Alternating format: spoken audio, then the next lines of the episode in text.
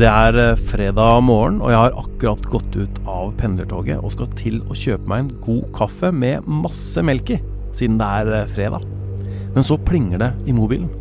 Politiet i Oslo hasteinnkaller til pressekonferanse. Der skal de komme med flere nye opplysninger om barskytinga i Oslo denne sommeren.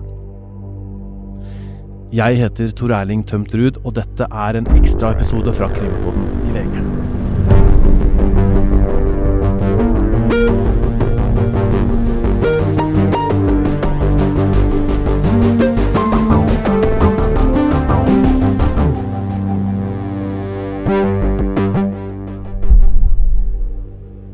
På kontoret sitter min kollega Ruth Einevold Nilsen og får samme beskjed.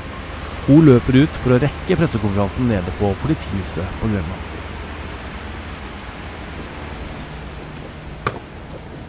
Hei, fruen. Hei, jeg vil til politihuset på Grønland. Er det 23397? Ja, Ja.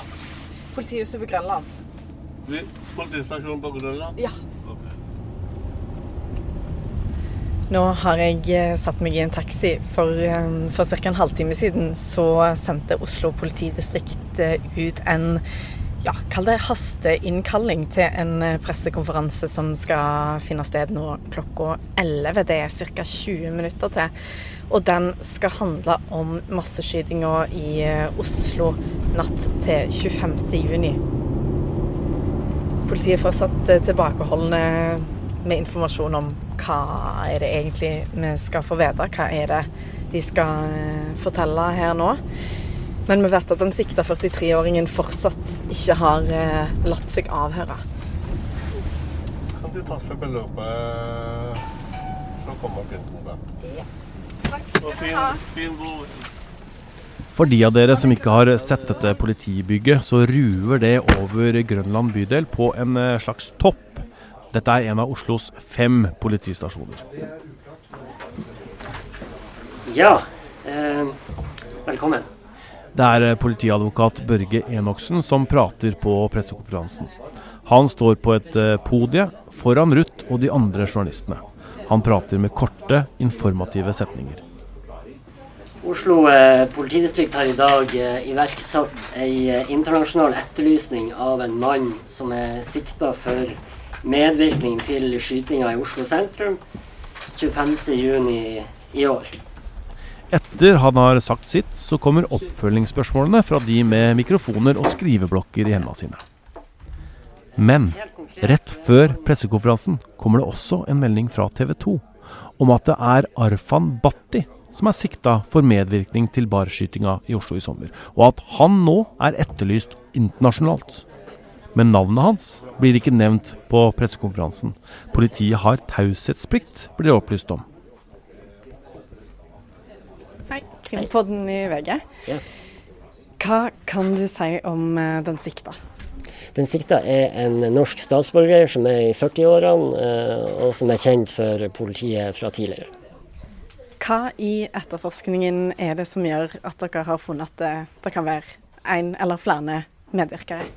Det har jo vært et uh, veldig sentralt tema for oss uh, helt fra starten å få avdekka hvorvidt uh, det var andre med på denne handlinga. Og etter tre måneder så har vi nå kommet til det stadiet der vi mener at det er grunnlag for å sikte denne personen, og vi kan ikke utelukke at det kommer flere siktelser heller. Kan du si hva dere har funnet i etterforskningen som utløser denne siktelsen? Nei, det kan jeg ikke si på dette tidspunktet.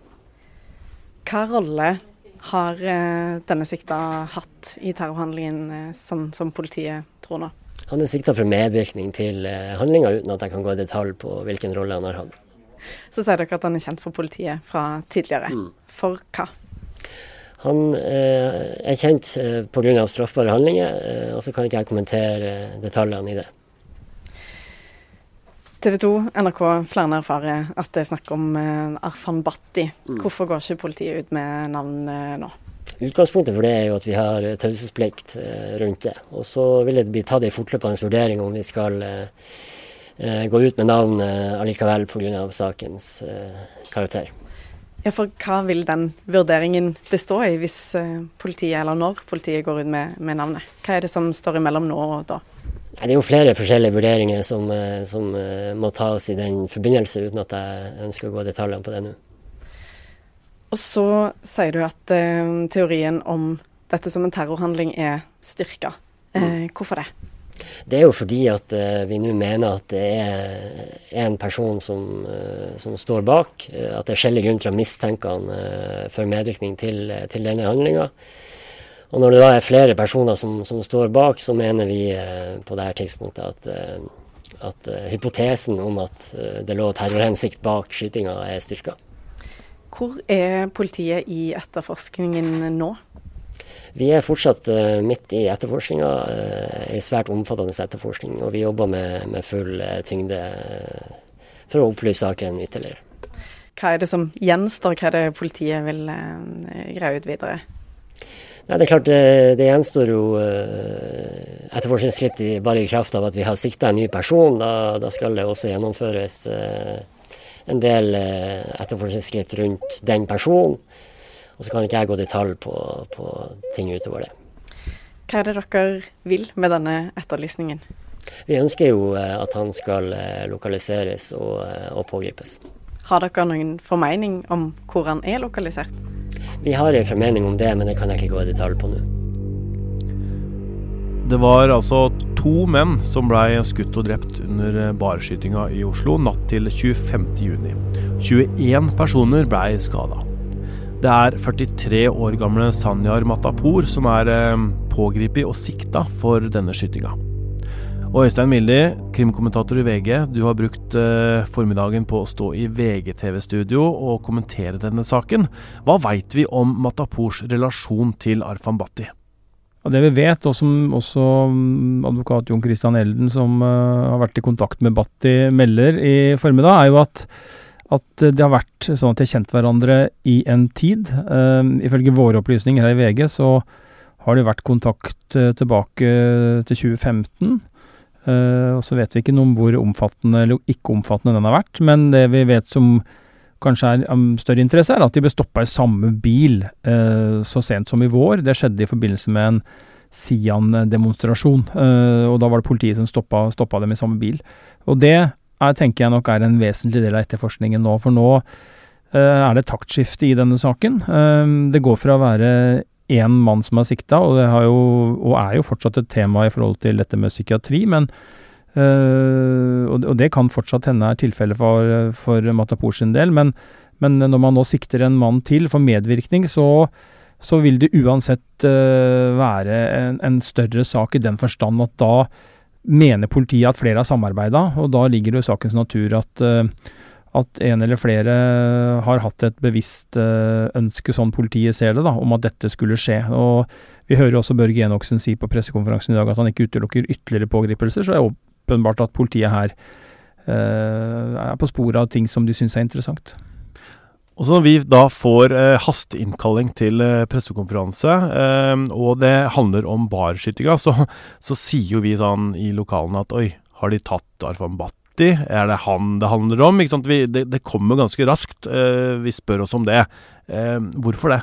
Blant annet fordi vi har jo visst uh, siden før sommeren at Battis navn har vært nevnt i etterforskningen og har vært, vært et tema.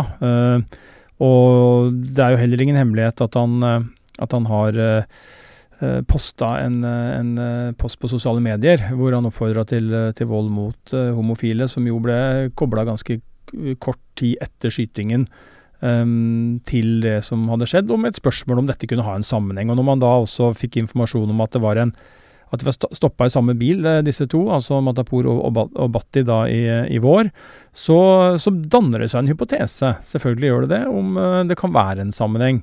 Og så er det ikke sikkert at det er det, uh, og det er fortsatt uh, ikke sånn at det er fastslått. Vi må jo bare minne om at begge disse er sikta, og selv om Matapour er tatt på fersk gjerning, så det stiller seg litt annerledes for han. Men når det gjelder Battis uh, eventuelle medvirkning, så er det på siktet nivå. Og da er han selvfølgelig som alle andre uskyldig inntil det motsatte bevist, og det skjer eventuelt i en rettssak. Og en siktelse som vi har vært inne på før, og kan gjenta igjen, er jo uh, ikke et større krav enn at det skal være sannsynlighetsovervekt, altså mer enn 50 eh, sannsynlig, sånn som politiet vurderer det. Og så har det i denne saken også vært sånn at retten har vurdert det. Det er et greit eh, poeng å opplyse om. Men, men Oslo tingrett har vurdert eh, denne saken, og mener da som politiet at det er såkalt sannsynlighetsovervekt, altså over 50% sannsynlig at han kan ha en medvirkerrolle. Og så er det langt igjen til man kan trekke en konklusjon. Mm.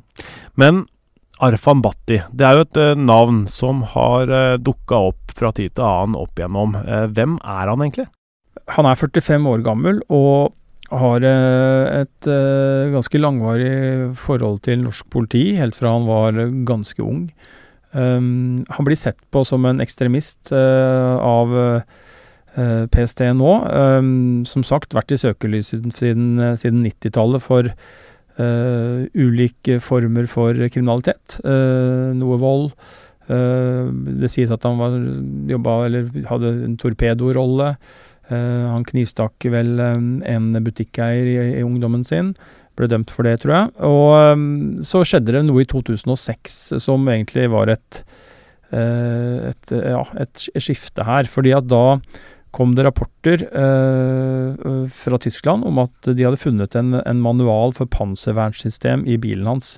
Og Det var da sånn at han ble stoppa av tysk politi. Eh, eh, men de hadde ikke nok bevis til å arrestere han, så Batti fikk kjøre videre, og besøkte da en eh, mann som het prins Dobrosji, en eh, kjent eh, mann for for norske myndigheter. Han ble um, tatt i en stor narkosak, satt på Ullers, uh, Ullersmo, rømte derfra.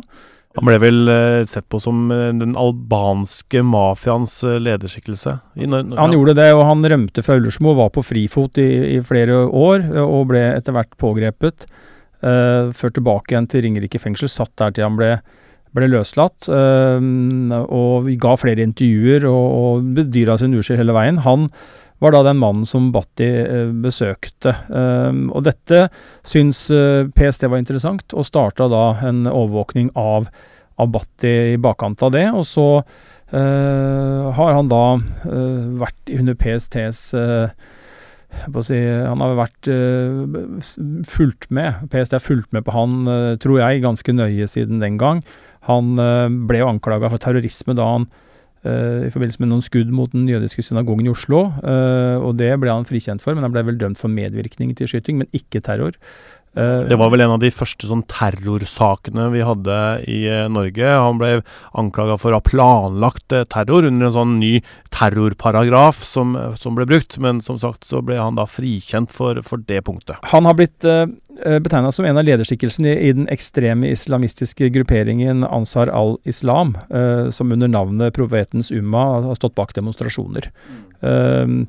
Så han har jo også kommet med uttalelser som, eh, som har vært Uh, som i hvert fall noen har sett på som provoserende, da, i forhold til og, og, og, at de har vært ja, provoserende. Ja, PST har vel også reagert på uttalelser som, som, kan virke som trusler mot norske soldater i utlandet og sånne ting? Ja, det har han, har han gjort. Så, så, det er en mann som har vært, og er, uh, av stor interesse for norske myndigheter.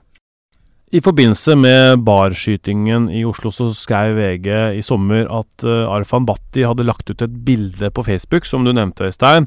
Uh, det, det, var et bilde med et uh, forbudt skilt over eh, regnbueflagget, og som en tekst der. Og det var jo da terrorforsker Thomas Hegghammer som fikk eh, oversatt denne teksten, og han forsto det som et budskap om at homofile bør drepes. Eh, denne Facebook-posten, da, som i etterkant blei sletta, hvordan tror du den har spilt inn i etterforskningen?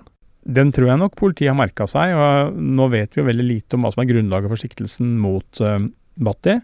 Uh, og vi vet ikke om den faktisk er en del av det, men det er jo grunn til å tro det. Og så er det helt sikkert sånn at politiet har, har flere opplysninger også som, uh, som, vi sannsynligvis ikke kjenner til. Uh, men dette får vi vite mer om etter hvert. nå er det sånn at det er mye hemmelighold rundt, rundt denne saken. Politiet har jo ikke engang bekrefta at det er Arfan Bhatti som er etterlyst. Hvorfor gjør de ikke det? Altså, han er etterlyst internasjonalt, og så sier de ikke navnet hans. Nei, det tror jeg, akkurat det spørsmålet tror jeg ikke eh, politiadvokat Enoksen fikk, men, eh, men, det er jo sånn politiet gjør begge deler. De etterforsker, nei, unnskyld, etterlyser eh, folk med navn og bilde av og til, og så gjør de det av og til ikke.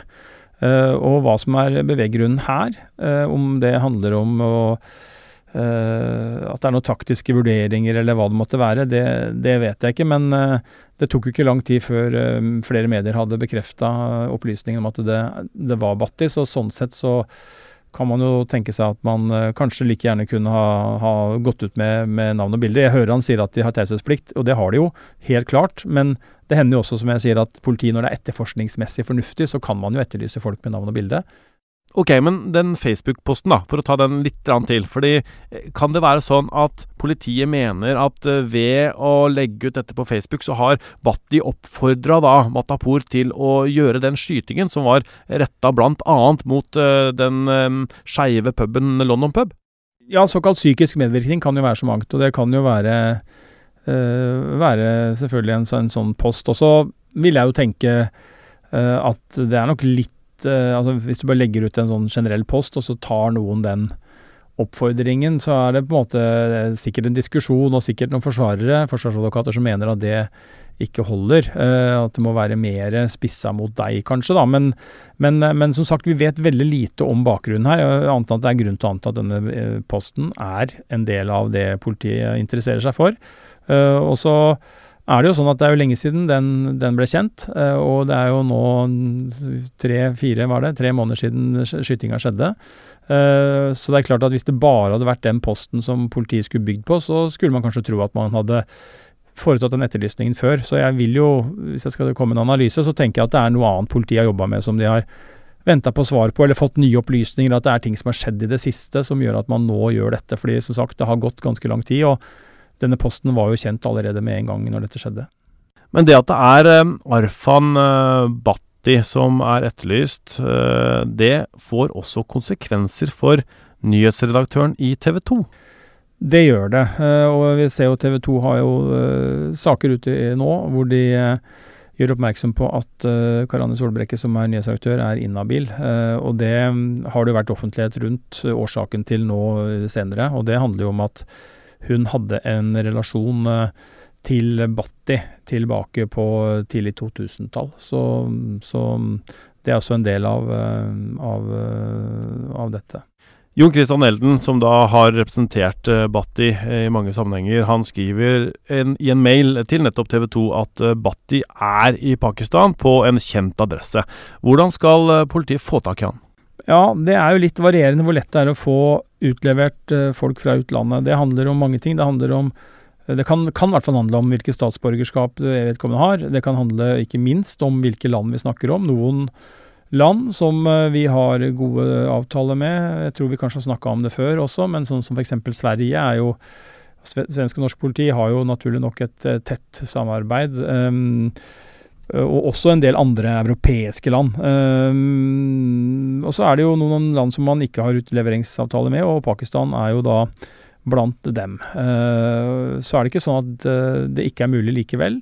Uh, det har skjedd at folk har blitt utlevert fra Pakistan i alvorlige saker.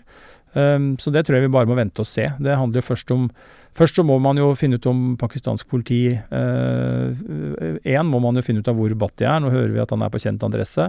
Ok, Hvis det stemmer, så må man jo finne ut om pakistansk politi er villig til å uh, Mener at det er grunnlag for å bistå norsk politi i denne saken. Det er jo ikke sikkert at de kommer til. De er uenig i vurderingen til politiet og sier at vi har ikke noe grunnlag for å pågripe ham. Uh, hvis de skulle være enig i det, så, så, må man jo se da om de er interessert og, og, tenker at det er grunnlag for å gjøre det. Og da kommer nummer tre, og det er jo uh, vil, han, vil uh, pakistanske myndigheter eventuelt utlevere Bhatti etter forespørsel fra norske myndigheter. Så det er ganske langt lerret å bleke, tror jeg, før, før det eventuelt skjer.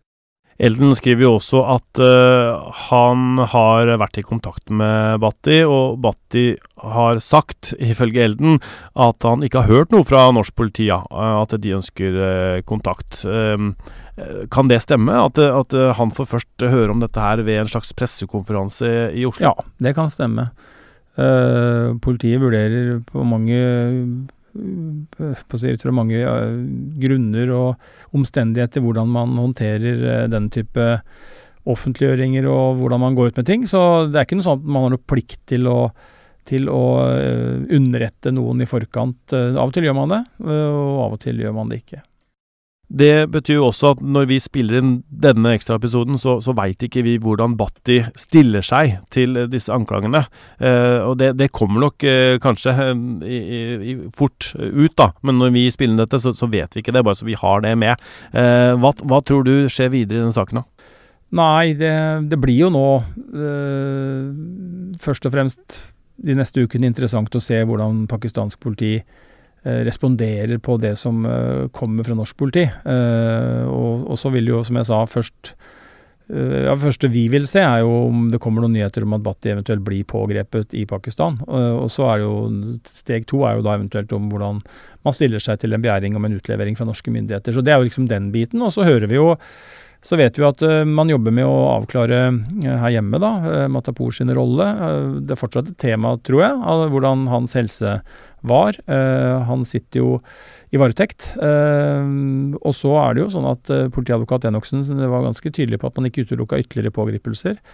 Han sa det på en sånn måte at jeg heller i retning av at det ikke bare var en sånn standardformulering, men at det kan være noe som er mer, litt mer reelt, og at man ser den muligheten som ja, mer reell enn om bare ikke ville utelukke det osv. Og, så videre, og sier det på, på, på den måten. Så, så, jeg tror det er all grunn til å følge med nøye i denne saken. Og så Eh, vil det jo etter hvert nærme seg en rettssak, og så får vi jo se om det blir en rettssak som norske myndigheter velger å kjøre bare mot, Mata, mot Matapour i første omgang, eller om man øh, venter til man skal og har håp om å få flere på tiltalebenken. Så det er jo ganske mange ting som øh, kommer til å bli avklart i øh, ja, kanskje ikke akkurat med det aller første, men etter hvert.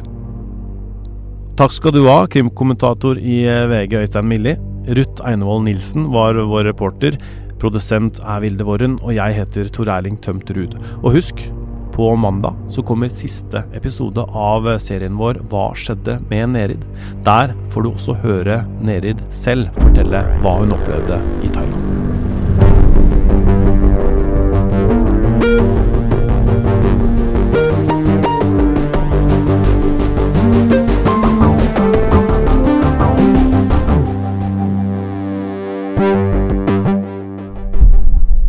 Du har hørt en podkast fra VG. Ansvarlig redaktør, Gard Steiro.